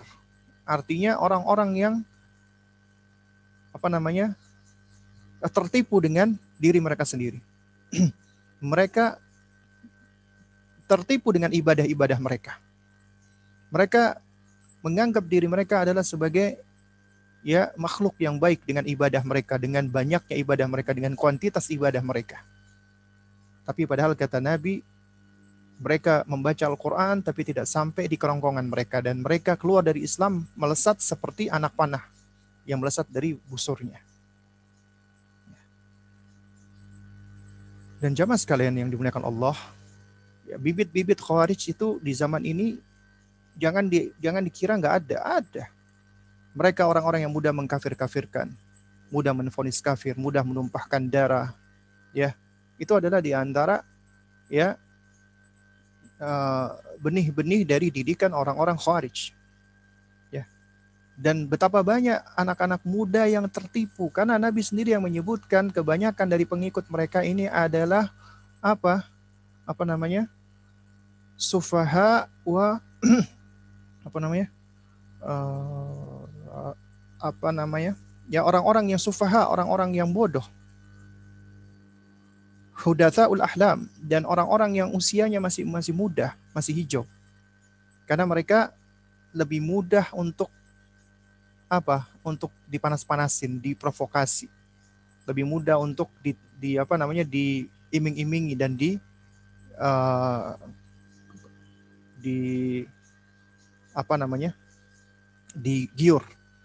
Ya jemaah sekalian kalau kita perhatikan ya anak-anak muda ini ya ketika mereka misalnya digembleng ya kemudian didoktrin untuk ya misalnya kamu pengen surga enggak? Kalau kamu kepingin surga, siapa yang menumpahkan darahnya di jalan Allah, Allah akan jaminkan baginya surga. Kemudian didoktrin supaya dia melakukan bom bunuh diri. Ya, karena mereka tahu di dunia ini adalah kehidupan sementara. Kehidupan sebenarnya adalah nanti di akhirat. Nah, mereka ingin mencari jalan pintas menuju ke surga dengan cara yang ngawur. Yaitu mereka melakukan ya perbuatan bunuh bunuh diri atas nama agama misalnya dengan cara bom bunuh diri atau yang semisalnya. Dengan apa? Dengan dengan dengan tujuan tadi. Tujuannya bagus. Mendapatkan surga Allah Subhanahu wa taala. Makanya jamaah sekalian, kalau Anda pernah dengar orang yang bernama Abdurrahman ibnu Muljam, Abdurrahman bin Muljam ini ketika zamannya Amirul Mukminin Khalifah Umar ibn Khattab dipuji oleh Khalifah Umar ibn Khattab ya karena dia termasuk qurra. Ya. Mujahid dan qurra. Qurra itu beliau adalah dia adalah ya termasuk para penghafal Quran. Namanya pengajar Quran. Lalu kemudian dia terkena fitnah khawarij ketika dia tertarik dengan seorang wanita yang cantik. Dan wanita ini adalah ternyata ya anak dari seorang pembesar Khawarij dan dia juga memiliki apa pemahaman Khawarij. Akhirnya dia menikah dengan wanita ini. Alih-alih dia yang mengajak wanita ini ke ahlu sunnah, namun dia yang malah terkena pengaruh dengan pengaruh Khawarij. Dan Anda tahu Abdurrahman bin Muljam ini yang ditazkiyah oleh Sayyidina Umar ini menunjukkan bahwasanya ternyata pujian meskipun dari sahabat tidak menunjukkan kemaksuman, tidak menunjukkan akan selalu benar. Ternyata dia yang membunuh Sayyidina Khalifah Ali bin? Abi Thalib radhiyallahu taala anhu. Dia yang membunuh Sayyidina Ali radhiyallahu taala anhu. Ketika dia membunuh Sayyidina Ali, dia memekikkan kalimat inil hukmu illa lillah. Tidak ada hukum kecuali hukum Allah. Sesungguhnya hukum ini adalah milik Allah dan dia menuduh Ali kafir. Tidak berhukum dengan hukum Allah. Bayangkan ini menantu Rasulullah Sallallahu Alaihi Wasallam yang menikahi putri Rasulullah Fatimah radhiyallahu taala anha dikatakan kafir, dibunuh, ditumpahkan darahnya. Dan dia menganggap dirinya melakukan jihad di jalan Allah. Menegakkan hukum Allah. Inil hukmu illa lillah. Dan padahal dia membuat kerusakan paling besar. Ketika dia ditangkap, akhirnya dia diberikan hukuman. Ya, Hukumannya adalah apa? Disalib empat anggota tubuhnya kemudian dipotong-potong. Dan itu adalah hukuman yang layak baginya di dunia dan dia adalah seorang penghafal Quran. Karena itu jamaah sekalian yang dimuliakan Allah. Ya. Di antara pelajarannya adalah jangan melihat kepada kuantitas. Jangan hanya melihat kepada penampilan. Anda mendidik anak Anda menghafal Quran, jangan cuma dilihat dari banyak-banyaknya hafalan, tapi dilihat bagaimana sejauh mana pengaruh Al-Quran itu terhadap anak kita. Akidahnya, akhlaknya, adabnya, manhajnya, itu yang dilihat. Karena betapa banyak orang tua sekarang mendidik anaknya menghafal Quran cuman ngelihat banyak-banyakan. Kurikulum-kurikulum di TPA, TPA dan lain sebagainya dilihat itu hanya target banyak-banyakan hafalan. Mencapai target enggak. Bukan dilihat dari kualitasnya. Baik dari sisi tilawah, kiro'ah bacaannya, ataupun dari sisi pemahaman anak terhadap Al-Quran sebelumnya, sejauh mana kecintaan anak terhadap Al-Quran. Padahal kata Nabi SAW di dalam sebuah hadis yang dihasankan oleh Syekh uh, apa namanya uh, Al Albani rahimahullah, Nabi pernah bersabda, Inna aktsara munafiqi min ummati qurra'uha. Sesungguhnya kebanyakan orang-orang munafik dari umatku adalah qurra'uha. Pembaca Al-Qur'annya. Kenapa? Cuman baca Quran dia mungkin hafal Quran banyak, tapi dia jadikan bacaan Qurannya itu untuk tendensi-tendensi duniawi. Ya datang ke acara baca Quran dapat duit, atau untuk supaya uh, apa namanya ya dapat pujian manusia dan lain sebagainya. Itu ini fenomena-fenomena yang banyak seperti ini. Ya. Oleh karena itu tidak heran apabila memang banyak orang-orang munafikin akhirnya mereka memiliki hafalan yang banyak. Karena Al-Quran memang bisa mudah dihafal oleh siapa pun, hatta orang kafir. Tapi cahaya hidayah adalah berasal dari Allah bagi mereka yang mau untuk menerima cahaya Al-Quran itu sendiri. Ya. Dengan cara apa? Dengan cara memahaminya. Dan pemahaman Al-Quran tidak boleh lepas dari sunnah Nabi dan juga dari dari apa? Dari uh, asarnya para sahabat Nabi dan para salafus soleh. Ya, wallahu taala alam soal. Mungkin ini dapat disampaikan. Mungkin ada pertanyaan yang masuk. Coba saya baca di kolom chat, chat ya. Yang ingin bertanya langsung silakan bisa raise hand ya.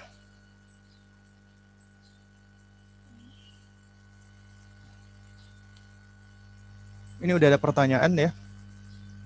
Apakah boleh ketika seseorang misalnya sedang sholat atau melakukan amal soleh apa pun, karena ia merasakan suatu kenikmatan dalam sholatnya, sangat khusyuk atau mencapai derajat ihsan, seakan-akan ia melihat Allah saat itu sehingga mengharapkan kematian saat itu, saat sholatnya karena rindunya perjumpaan hamba tersebut dengan Rabbnya. Jazakallah khairan Ustaz. Masya Allah. Ya.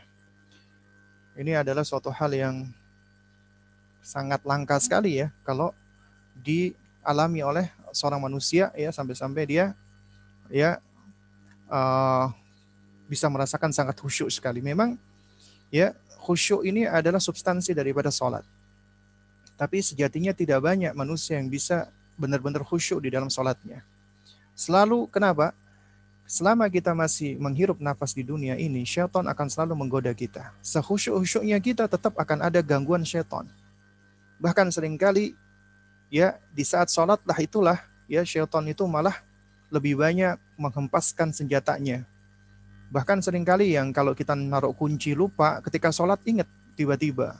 Itu luar biasa. Itu karena perannya syaitan. Nah, namun memang tidak dipungkiri ada manusia-manusia yang Allah Subhanahu wa taala ya berikan dia akhirnya khusyuk meskipun nggak mungkin bisa khusyuk secara sempurna karena tidak ada kesempurnaan kecuali hanyalah milik Allah Subhanahu wa taala.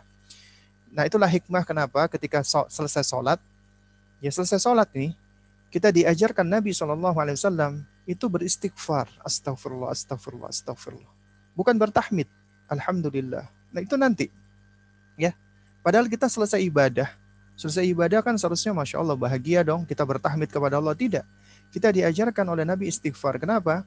Dalam rangka untuk ya untuk yang tadi bolong-bolong, yang tadi ada kekurangan-kekurangan dan karena kita manusia penuh dengan kekurangan, istighfar itulah yang akan menambalnya. Karena sejauh apa pun kita berusaha khusyuk, nggak mungkin kita bisa sesempurna itu. Kalau seseorang dia merasakan nikmat kepada Allah, ya, lalu kemudian dia ingin berjumpa dengan Allah, lalu kemudian dia mengharapkan apa kematian, ya. Dia mengharapkan agar dia mati. Yang perlu kita pahami jamaah sekalian, ya. Mengharapkan kematian itu ada dua macam. Pertama, karena dia sudah capek hidup di dunia. Dia sudah lelah hidup di dunia. Dia sudah gak kuat lagi hidup di dunia. Maka ini adalah mengharap kematian yang jelek, yang buruk. Dan yang kedua, mengharap kematian karena ingin segera berjumpa dengan Allah. Maka ini adalah ya apa namanya pengharapan yang baik. Dan ini adalah uh, yang banyak diharapkan dari dari siapa? Dari manusia-manusia pilihan, manusia-manusia soleh. Para sahabat Nabi Ridwanullah alaihim ajmain ketika mereka itu turun di medan jihad, di medan perang, itu harapan mereka adalah apa? Adalah mereka ingin mendapatkan syahid di jalan Allah. Mati syahid, ya, atau mereka hidup dalam kemuliaan Allah muliakan dengan apa kemenangan, ya. Nah, jadi orang-orang yang dia mengharapkan kematian karena kecintanya kepada Allah Azza wa Jalla dan ini tidak tidak semua orang ya apa namanya memiliki ini ya karena Allah yang lebih tahu apa yang ada di dalam hatinya. Karena kadang-kadang ada manusia ya dia uh, semacam magurur ya, dia uh, pernah tertipu ya dengan dirinya sendiri seakan-akan bahwasanya amalku ini sudah baik, amalku sudah cukup sehingga aku sudah siap untuk berjumpa dengan Allah. Padahal ya sebenarnya masih banyak apa namanya perbekalan-perbekalan yang harus dia siapkan. Boleh dia ya mengharap perjumpaan dengan Allah. Namun hendaknya dia tidak berharap untuk segera mati.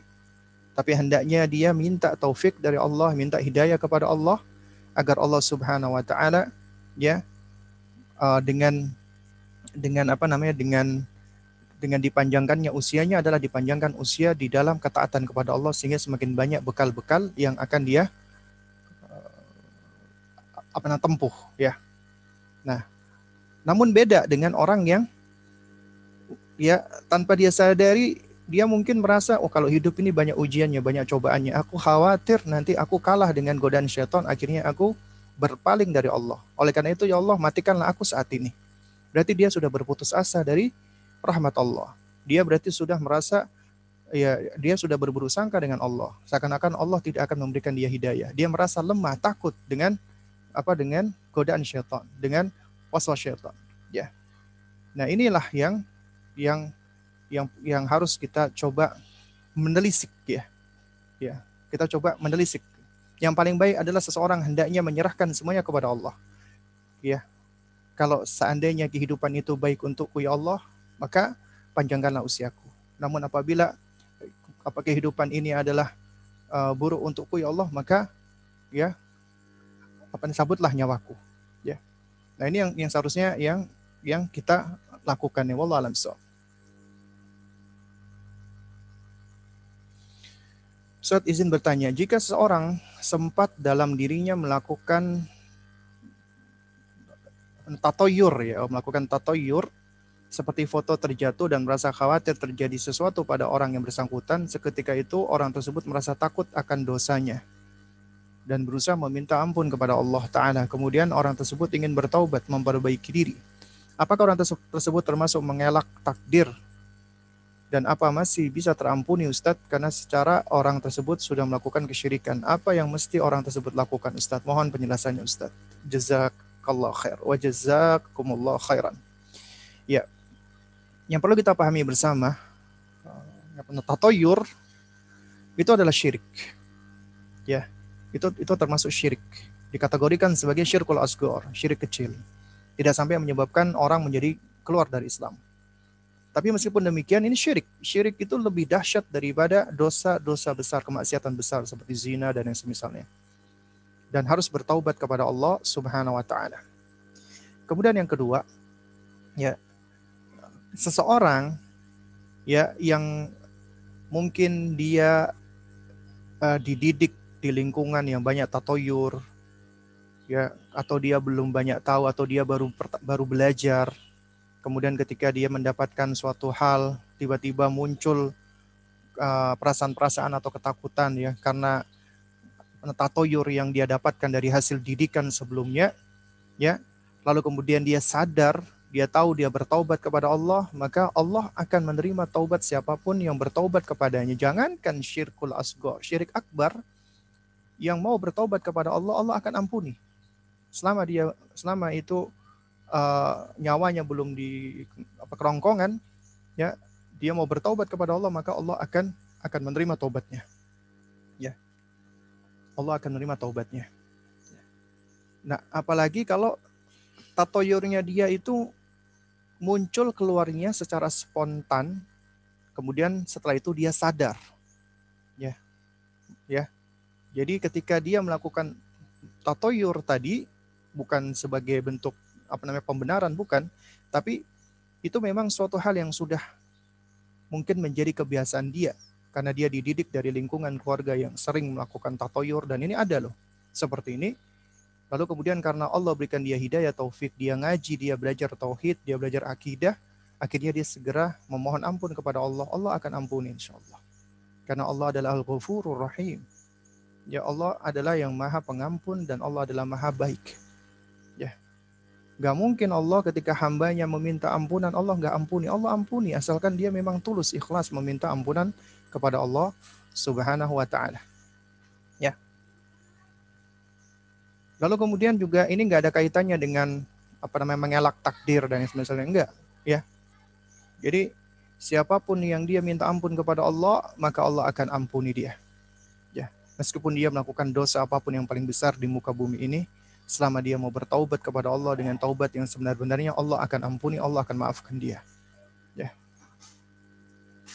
Dan itu bagus ketika penanya mengatakan ya orang tersebut merasa takut akan dosanya. Karena memang ketika seorang melakukan dosa dia harus takut. Ya. Dia memang harus merasa takut. Ya. Lalu dari situlah dia segera beranjak memohon ampunan kepada Allah, memohon maaf kepada Allah karena dia takut apabila Allah marah dan murka kepada dirinya. Dia ingin lepaskan dirinya dari kemurkaan Allah Subhanahu wa taala. Di antaranya dengan cara bertakwa. Takwa itu adalah ya an taj'ala wiqayatan yaitu engkau menjadikan wiqayah perisai pelindung bainaka antara dirimu wa baina uh, apa namanya? Ya ghadabi rahman. Antara dirimu dan antara kemurkaan Allah. Ya, engkau nggak ingin mendapatkan kemurkaan Allah. Oleh karena itu engkau engkau jadikan ada wiqayah. Wiqayah itu adalah ketakwaan.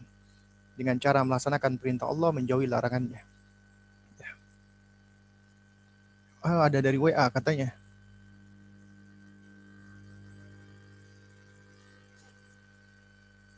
Nah, ada pertanyaan. Kenapa hadis yang dipakai harus disahihkan oleh Syekh Albani? Enggak harus. Enggak harus disahihkan oleh apa namanya? Syekh Albani. Padahal ada hadis yang yang disahihkan oleh Syekh Albani tapi dhaif bagi sebagian ulama. Ya, memang di dalam ilmu hadis itu sangat lumrah sekali terjadi perbedaan pendapat. Ya. Apakah ini termasuk taklid buta? Kalau taklid buta adalah antum mengikuti tanpa tahu dalilnya, ya. Ya jemaah sekalian yang dimuliakan Allah Subhanahu wa taala yang perlu kita pahami ya bahwa setiap ilmu itu ya itu memiliki ahlinya, ada spesialisasinya. Ya. Dan dari mana kita bisa tahu orang ini adalah orang yang memiliki spesialisasi? Tentunya di antaranya dari pengakuan dan pujian orang-orang yang ahli. Ya. Syekh Albani rahimahullahu taala adalah termasuk muhaddithul asr, ahli hadis di zaman ini yang diakui oleh para ulama-ulama ahli hadis lainnya. Ya, orang-orang yang objektif, yang adil, yang insaf, mereka mengakui Syekh Albani adalah ahli hadis. Tapi nggak ada satupun di antara mereka yang mengatakan beliau adalah orang yang maksum. Termasuk murid-murid beliau, Syekh Ali Hasan Al-Halabi, Syekh Masyur Hasan Al-Salman, ya, kemudian Syekh Muhammad Musa Nasir, Syekh Hussein Al uh, Awaisya dan lain sebagainya. Enggak ada yang mengatakan beliau apa namanya? Beliau itu maksum, enggak ada. Beliau tetap manusia biasa, bisa salah. Ya. Dan juga demikian ulama-ulama hadis yang lainnya. Ya. Nah, lalu kemudian kita sebagai penuntut ilmu ya, yang mana ketika kita belum Allah karuniakan kemampuan untuk bisa memilah-milah hadis antara yang sahih, yang hasan, maka tentunya kita harus merujuk kepada para ahlinya. Kita merujuk kepada para ahlinya. Ketika misalnya Anda membawakan sebuah hadis, hadis ini ternyata hadis hadis yang dhaif. Siapa yang mendhaifkan? Yang mendhaifkan misalnya Al-Hafidh Ibnu Hajar Al-Asqalani kemudian didhaifkan pula oleh misalnya Al-Imam An-Nawawi. Ya. Lalu kemudian tiba-tiba dihasankan oleh Syekh Albani rahimahullah. Ya. Nah, ini kan menarik ini, didhaifkan kemudian dihasankan. Nah, kadang-kadang itu banyak orang yang langsung ya salah paham ya. Padahal kalau kita belajar tentang ilmu hadis kita akan tahu ya ya bahwasanya ilmu hadis ini begitu sangat luar biasa ini adalah ilmu yang hanya dimiliki oleh agama kita. Dan inilah ilmu ya yang merupakan bagian dari dari ketentuan Allah di dalam menjaga kemurnian agama kita. Nah, sering kali ketika ada hadis yang doif kemudian dihasankan itu karena apa? Karena ternyata ada mutabaat, ada syawahid, ada riwayat-riwayat lain dari jalur-jalur lain. Kita tahu nih hadis ini bukan cuma datang dari satu jalur, satu sanat. Tapi ternyata datang dari riwayat-riwayat yang lain. Nah, ketika riwayat-riwayat yang lain yang ada itu dikumpulkan, kemudian dilihat, dicek tentang sanatnya, tentang rijalul hadisnya, kemudian dicek masing-masing dari rijalul hadisnya ini di dalam ilmu jarwa ta'adil dan seterusnya. Lalu kemudian ternyata didapati bahwasanya para apa namanya perawinya itu tidak ada yang misalnya dikatakan kata pendusta atau yang suka yang suka memalsukan hadis dan yang semisalnya. Kemudian ternyata riwayat-riwayat itu datang dari sejumlah jalan, ada tawabi dan yang semisal itu ternyata bisa menjadikan hadis menjadi hasan li ghairihi. Hasan li ghairihi. Bisa jadi Al-Hafidh Ibnu Hajar mendhaifkan satu jalur itu tadi. Ternyata dengan adanya jalur-jalur lain yang saling menguatkan bisa menjadi hasan. Ya. Demikian pula sebaliknya ternyata seperti misalnya hadis disahihkan oleh Imam Al-Hakim. Nah, di sini ada loh orang-orang yang berusaha untuk mempertahankan keyakinan dia dengan mempergunakan hadis yang ternyata hadisnya itu lemah. Kemudian dia menukilkan ini disahihkan oleh Imam Al-Hakim. Ya udah penting ada Imam Imam Hakim mensahihkan. Ya, nah ini berarti sebenarnya orang seperti ini yang taklid. Kenapa? Karena kita tahu di dalam ilmu hadis ya, ya kalau kita merujuk itu Al-Imam Al-Hakim ulama. Ya, ulama hadis, Masya Allah, tabarakallah. Tapi beliau disebutkan oleh ulama-ulama ahli hadis yang selevel dengan beliau, beliau itu memiliki sifat apa tasahul, bermudah-mudah di dalam mensahihkan hadis. Oleh karena itu sering kali hadis-hadis yang beliau sahihkan ternyata adalah hadis yang dhaif. Ya.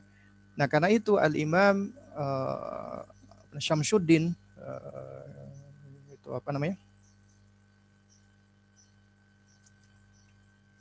Itu apa namanya? Apa namanya? Ya, apa itu? Apa namanya? Az-Zahabi ya. Al-Imam Az-Zahabi rahimahullahu taala. ya. Jadi Al-Imam Az-Zahabi rahimahullahu taala itu beliau juga uh, melakukan penelitian terhadap mustadraknya al-Imam Al-Hakim. Ya. Nah, oleh karena itu apabila disebutkan disahihkan oleh al-Imam Al-Hakim dan disepakati oleh al-Imam Az-Zahabi, maka ini tentunya lebih kuat. Ya. Jadi ya jamaah sekalian dimuliakan Allah. Kalau kita mempelajari ilmu hadis itu Masya Allah. Jadi ternyata para ulama-ulama ahli hadis sendiri mereka juga bermacam-macam ada yang mutasahil, ada yang cenderung bermudah-mudahan mensahihkan hadis dan ternyata ada yang juga apa namanya? Uh, yang muta'annid ya, yang yang yang apa namanya? yang cenderung untuk ya untuk uh, ketat banget gitu loh di dalam apa di dalam ilmu hadis. Ya. Nah, Syekh Albani rahimahullahu taala itu adalah di antara salah satu manusia yang Allah Subhanahu wa taala berikan taufik kepada beliau dan Allah jadikan beliau sebagai salah satu ulama ahli hadis di zaman ini. Makanya dikatakan muhaddithul asr. Ya. Nah, bagi seorang penuntut ilmu, ya, ketika dia belum memiliki kemampuan untuk memilah-milah hadis antara yang sahih, yang dhaif dan yang semisalnya, lalu kemudian dia merujuk kepada tashihnya Syekh Al-Albani rahimahullahu taala, maka ini sebenarnya bukanlah termasuk taklid buta, ya. Jadi ini ini apa namanya?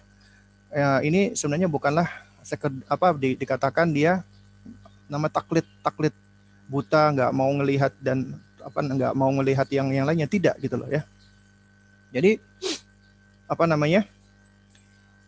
Kayak semisal Anda misalnya, Anda misalnya ketika uh, apa namanya ketika Anda mengikuti suatu pendapat ya. Ini misalnya pendapat tentang apa contohnya misalnya ya. Memakan daging buaya. Memakan daging buaya itu apakah halal atau tidak? Kita tahu ada khilaf di antara para ulama. Ada khilaf di antara para ulama.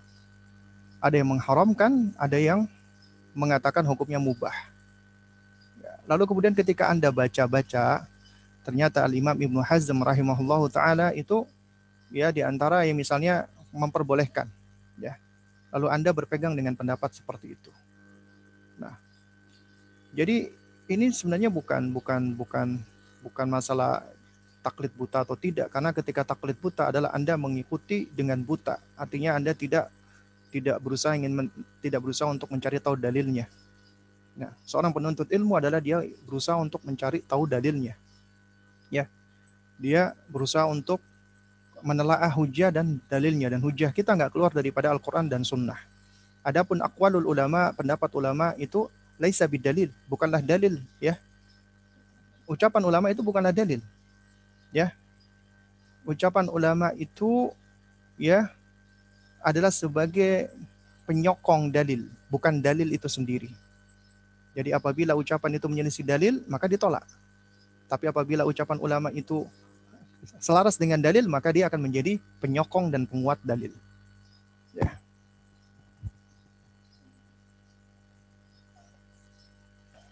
Lalu kemudian bagaimana dengan hadis yang disohikan oleh Syekh Albani tapi doif bagi apa, apa sebagian ulama? Ya ini suatu hal yang lumrah, ya. Ini ini adalah suatu hal yang lumrah gitu loh. Jadi kalau misalnya memang ada hadis yang ternyata disahihkan si Albani kemudian didhaifkan sama oleh ulama lain, ini suatu hal yang yang sangat lumrah sekali, tapi nggak banyak sebenarnya. Ya, ini bukanlah suatu hal yang yang banyak. Nah, bagi mereka misalnya melihat, oh ini ada sebuah hadis. Hadis ini disahihkan oleh Syekh Albani, tapi ternyata didhaifkan oleh ulama-ulama lainnya. Maka yang kita lakukan adalah ketika mendapatkan adanya khilaf, kita melihat kepada dalil. Kita berusaha untuk menelaah apa yang menyebabkan ulama ini berpendapat hadis ini dhaif. Nah, itu itu yang berusaha kita telaah, kita apa namanya? mempelajarinya ya sesuai dengan kemampuan kita. Baru kemudian kita memohon bimbingan kepada Allah agar Allah tunjukkan kita untuk bisa memilih pendapat mana yang lebih kuat Allah alam bisawab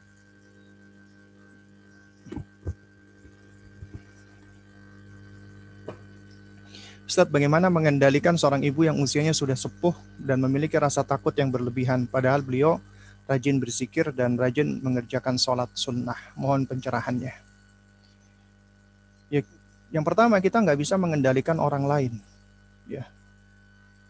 Kita nggak bisa mengendalikan orang lain ya meskipun itu adalah ibu kita apalagi ibu kita sudah sepuh yang kedua yang bisa mengendalikannya adalah Allah Subhanahu wa taala jadi caranya adalah Anda berdoa kepada Allah, minta kepada Allah agar Allah Azza wa Jalla memberikan ketenangan kepada ibu kita. Yang ketiga, terus bersamai ibu kita yang sepuh tadi. Bersamai selalu kita berikan ya uh, perkataan-perkataan yang menenangkan, kita ingatkan terus tentang Allah Azza wa Jalla, kita bacakan Al-Qur'an, kita sampaikan hadis-hadis Nabi dan seterusnya ya. Dan juga kita berikan harapan-harapan insya Allah Ibu kalau terus istiqomah Allah akan ampuni dosa-dosa Ibu yang lalu, Allah akan uh, apa Allah Subhanahu wa taala akan berikan surga dan seterusnya. Ini yang seharusnya kita lakukan ya. Allah alam Bagaimana menyikapi orang tua yang masih suka kasih nasihat untuk bilang Assalamualaikum atau pencet klakson tiga kali atau lewat tempat angker atau bilang pahit-pahit kalau ada tawon. Bagaimana cara menyikapinya dengan hikmah? Ya, cara menyikapinya dengan hikmah adalah kenapa orang tua melakukan hal seperti ini? Karena dia belum paham, belum ngerti, belum punya landasan, belum ngerti akidah, belum dapat hidayah, taufik dari Allah.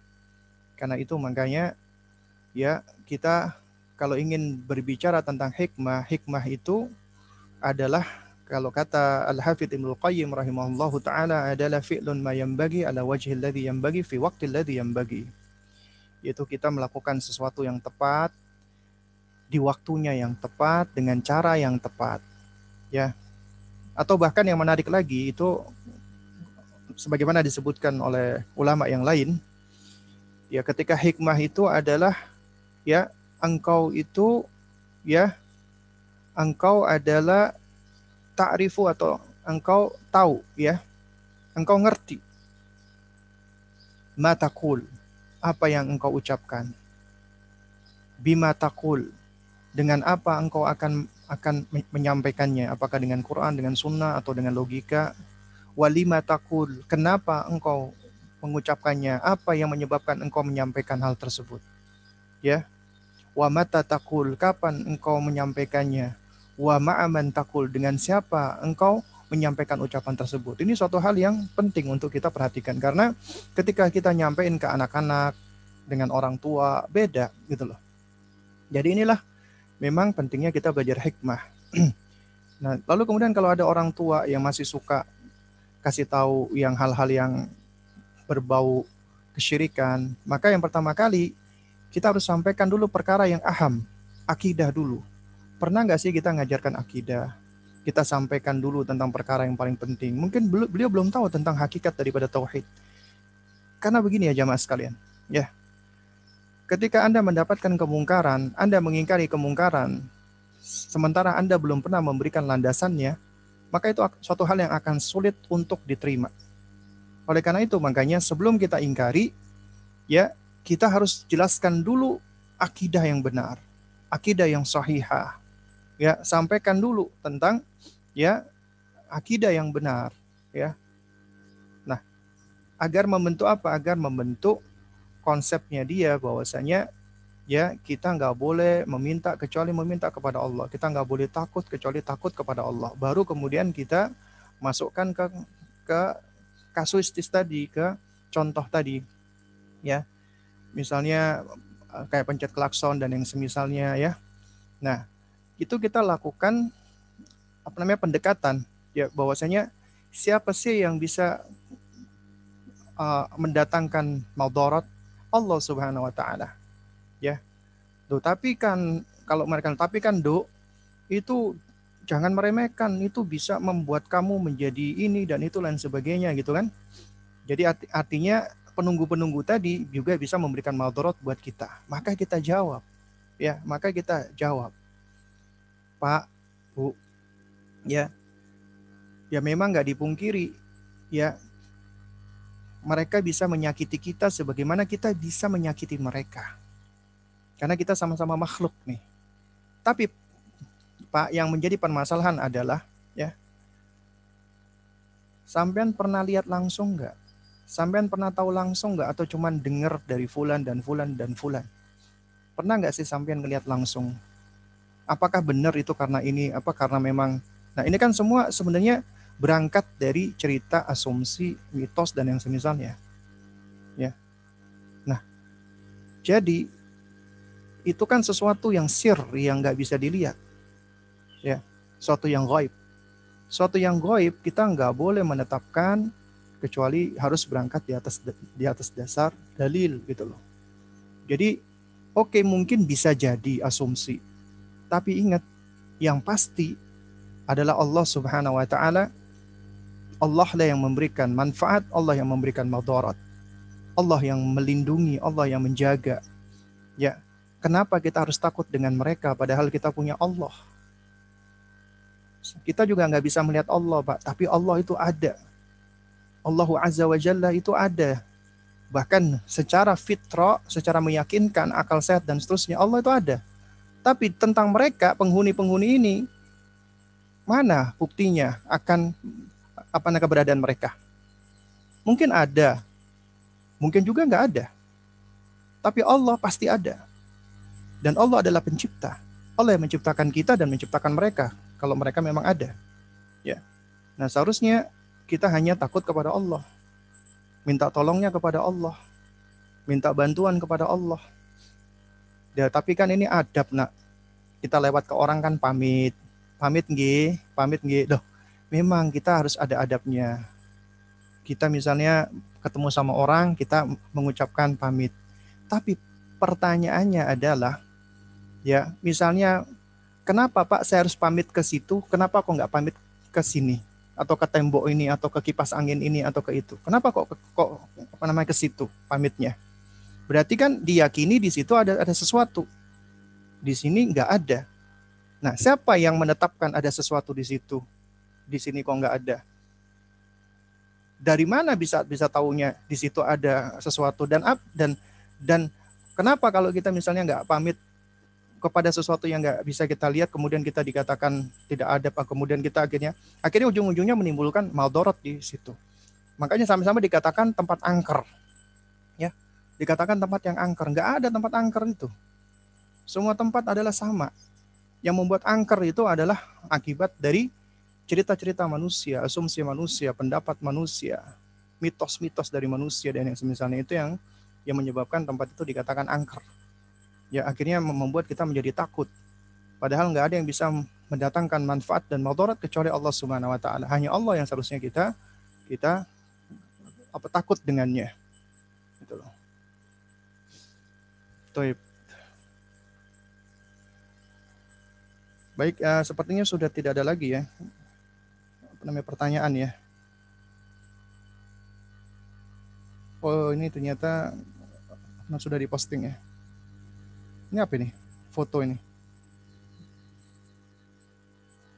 Ustadz, bagaimana jika seorang suami memiliki istri kedua namun sepertinya anaknya curiga bahwa istri kedua tidak baik dan istri pertama berasumsi sepertinya suaminya terkena sihir. Istri pertama menemukan batu dibalut dalam tile, tile.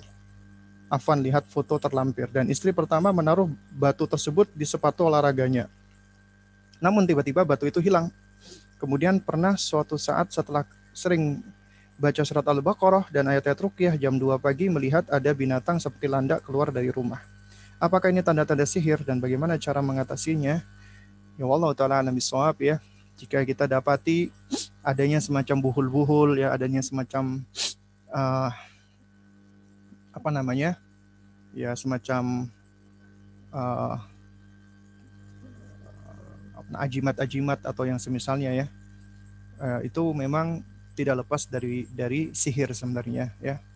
Dan ini suatu hal yang sangat mungkin terjadi ya karena memang sihir itu ada ya sihir itu hak ya. Dan dan juga bisa menimpa kepada siapa pun saja sesuai dengan izin Allah Subhanahu wa taala khususnya ya kepada orang-orang yang mohon maaf ya memang uh, dari sisi akidahnya itu kurang kuat karena biasanya sihir ini akan sulit menimpa kepada orang yang tauhidnya kuat, yang akidahnya kuat. Kenapa? Karena akidah dan tauhid yang kuat ini ya itu adalah orang-orang yang Allah jaga mereka, Allah memelihara mereka. Karena mereka tidak takut kecuali takutnya kepada Allah Subhanahu wa taala. Sehingga Allah menjaga dan memelihara mereka. Jadi kalau memang diduga kuat ada unsur-unsur pelet dan yang semisal, semisalnya seperti ini, maka ini harus segera ditindaklanjuti. Dengan cara apa? Ya dengan cara yang tadi misalnya ada semacam ya model-model kayak jimat-jimat tadi yaitu harus segera ya dibakar ya dan juga harus membaca ta'awudz yang memohon perlindungan kepada Allah Subhanahu wa taala. Kemudian juga sering-sering untuk untuk membaca Al-Qur'an ya, kemudian juga meruqyah khususnya sang suami juga tadi meruqyah diri sendiri, kemudian juga sang istri yang kedua tadi juga kalau perlu juga sama, dia juga dites atau diuji untuk baca Al-Quran dan juga di untuk merukyah diri sendiri ya. Ya. Wallah Kemudian pertanyaan terakhir, Ibu Ana sepertinya mengalami manic depressive bipolar disorder karena sulit bersosialisasi dan sering bertengkar dengan tetangga dan salatnya bolong-bolong. Bagaimana baiknya seorang anak mendampingi atau menasihati karena sering berkata-kata tidak baik terhadap orang tua, eh, terhadap keluarga. Apakah ini termasuk penyakit hati dan bagaimana mengatasinya? Toib, yang pasti ini adalah ujian dari Allah Subhanahu wa taala untuk sang anak. Ya. Allah itu menguji manusia bukan cuma orang tua diuji tentang anaknya. Tapi anak juga sering kali diuji tentang orang tuanya. Nabi Ibrahim alaihissalam juga diuji tentang bapaknya yang kafir. Ya dan juga banyak para sahabat Nabi juga ya ridwanullah ridwanullah alaihim ajmain juga diuji oleh Allah dengan orang tua orang tuanya yang kafir. Ya. Lalu kemudian juga ya juga tidak sedikit ya banyak yang diuji oleh Allah dengan orang tua orang tua yang buruk perangainya yang jelek dan yang semisalnya. Ya. Terus juga yang memiliki gangguan-gangguan kepribadian dan yang semisalnya Lalu apa yang harus dilakukan oleh sang anak? Yang yang harus dilakukan oleh sang anak adalah yang pertama, ya, ketika dia tahu ini orang tuanya bermasalah, ada sesuatu di dalam dirinya, ya, ini artinya Allah memberikan hidayah kepada si anak tadi. Memberikan taufik kepada si anak tadi. Hidayah taufik ini adalah sesuatu yang paling berharga. Harus dijaga dan dipelihara harus dijaga dan di apa namanya pelihara. Di antara cara menjaga ya hidayah dan taufik tadi adalah dia terus harus belajar menuntut ilmu, mendalami ilmu, mempraktekkan ilmunya, mengajarkan ilmunya dan sabar. Itu di antara cara untuk menjaga nikmat hidayah atau taufik. Kemudian nikmat itu harus disyukuri.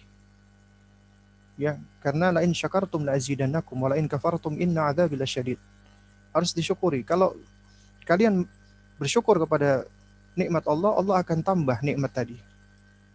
Dan mensyukuri nikmat dengan tiga cara. Iktirafu bil qalbi. Kita akui dengan hati kita. Kemudian kita lafatkan dengan lisan kita. Alhamdulillah. Ya, kita ucapkan hamdalah, bertahmid kepada Allah. Kemudian kita gunakan nikmat tadi dengan anggota tubuh kita di dalam ketaatan kepada Allah, tidak di dalam kemaksiatan. Kemudian yang ketiga, pahami nikmat Allah itu banyak ya untuk kita. Ya. Nikmat Allah untuk kita banyak. Di samping apa yang Allah ambil dari kita atau apa yang Allah ujikan dari kita, maka ketahuilah sejatinya apa yang Allah berikan untuk kita jauh lebih banyak. Di antara nikmat besar yang Allah berikan adalah nikmat hidup, nikmatul ijad. Nikmat dari dari dari awalnya kita tidak ada, kemudian Allah jadikan kita ada. Allah berikan kita kehidupan. Itu adalah nikmat. Dan yang menjadi sebab kita hidup adalah adanya orang tua kita. Kemudian nikmatul imdad. Ya, nikmat yang sifatnya adalah Allah karuniakan kepada kita segala bentuk sarana, potensi, tools, equipment untuk kita agar bisa menjalani hidup ini dengan baik. Allah berikan kita pendengaran, penglihatan, apa namanya pemahaman dan seterusnya. Dengan ya, dengan hal itu akhirnya kita bisa belajar. Kita bisa ya mengetahui mana yang baik, mana yang buruk, mana yang benar dan mana yang salah. Itu adalah sarana kita untuk mencari hidayah Allah Subhanahu wa taala. Kemudian nikmat yang paling besar adalah nikmat hidayah, nikmat taufik. Ya. Terus kemudian nih poin yang berikutnya yang yang keempat, ya orang tua kita, ya, apalagi di usia tuanya, maka Allah perintahkan kita untuk berbuat baik terhadap mereka. Seburuk-buruknya mereka tetap Allah perintahkan kita berbuat baik. Di dalam surat Luqman ayat 15, Allah Azza wa Jalla ketika berfirman, "Wa in jahadaka ala an tusyrika bima laysa laka bihi ilm, fala tuti'huma wa sahibhuma fid dunya ma'rufa. Ya. Kata Allah Azza wa Jalla, apabila kedua orang tuamu itu memaksa kamu, jahada itu artinya mujahada, mereka bersungguh-sungguh memaksa kamu untuk menyekutukan Allah. Janganlah kamu taati keduanya. Tapi kata Allah, wa sahibhuma fid dunya ma'rufa. Tapi pergauli keduanya di dunia dengan cara yang baik. Bergaul dengan mereka dengan cara yang baik. Tetap berbuat baik kepada mereka. Padahal mereka mengajak kepada kesyirikan. Dosa yang paling besar. Bukan cuman mereka syirik, musyrik, tapi mereka memaksa kita untuk syirik. Kita nggak boleh taat sama mereka, tapi tetap kita diwajibkan Allah untuk berbuat baik kepada mereka. Ini ujian dari Allah Subhanahu wa taala untuk untuk kita. Allah tetap memerintahkan kita untuk berbuat baik kepada mereka. Membersamai mereka, menemani mereka, menasehati mereka, meluruskan mereka. Dan kewajiban kita hanyalah ikhtiar, menyampaikan, Adapun selebihnya serahkan kepada Allah. Kemudian yang terakhir jangan lupa doakan. Doakan dia agar Allah memberikan perlindungan, memberikan pertolongan agar Allah Subhanahu wa taala angkat penyakitnya, agar Allah Subhanahu wa taala hilangkan ya gangguan gangguan yang dikatakan sebagai gangguan bipolar ya dari kejiwaan dia ya. Karena yang saya pahami gangguan kejiwaan seperti bipolar ini memang ini adalah suatu jenis gangguan kejiwaan yang ada di dalam ilmu psikologi tapi sejatinya ini semua apa di dalam konsep agama kita adalah wama asabaka min sayyi'atin famin nafsika. Ya kata Allah Subhanahu wa taala wama asabaka min hasanatin famin Allah wama asabaka min sayyi'atin famin nafsika. Adapun kebaikan yang yang engkau peroleh dari Allah, keburukan yang engkau dapati dari dirimu sendiri. Oleh karena itu, yang namanya gangguan-gangguan ya kejiwaan juga akhirnya menimbulkan kecemasan, ketakutan, itu semua adalah berangkat dari diri kita, dari dosa kita dan yang semisalnya. Karena itu, ya, yang bisa mengobatinya, menyembuhkannya hanyalah Allah. Karena itu minta kesembuhan adalah dari Allah Azza wa Jalla dan juga harus diingatkan untuk untuk senantiasa seseorang itu dia selalu kembali kepada Allah, inabah kepada Allah, bertobat kepada Allah Subhanahu wa taala. Ya. Ya intinya kita sebagai anak terus berusaha, selebihnya serahkan kepada Allah. Wallahu taala alam Ya mungkin ini yang dapat saya sampaikan dan pertanyaan sudah habis.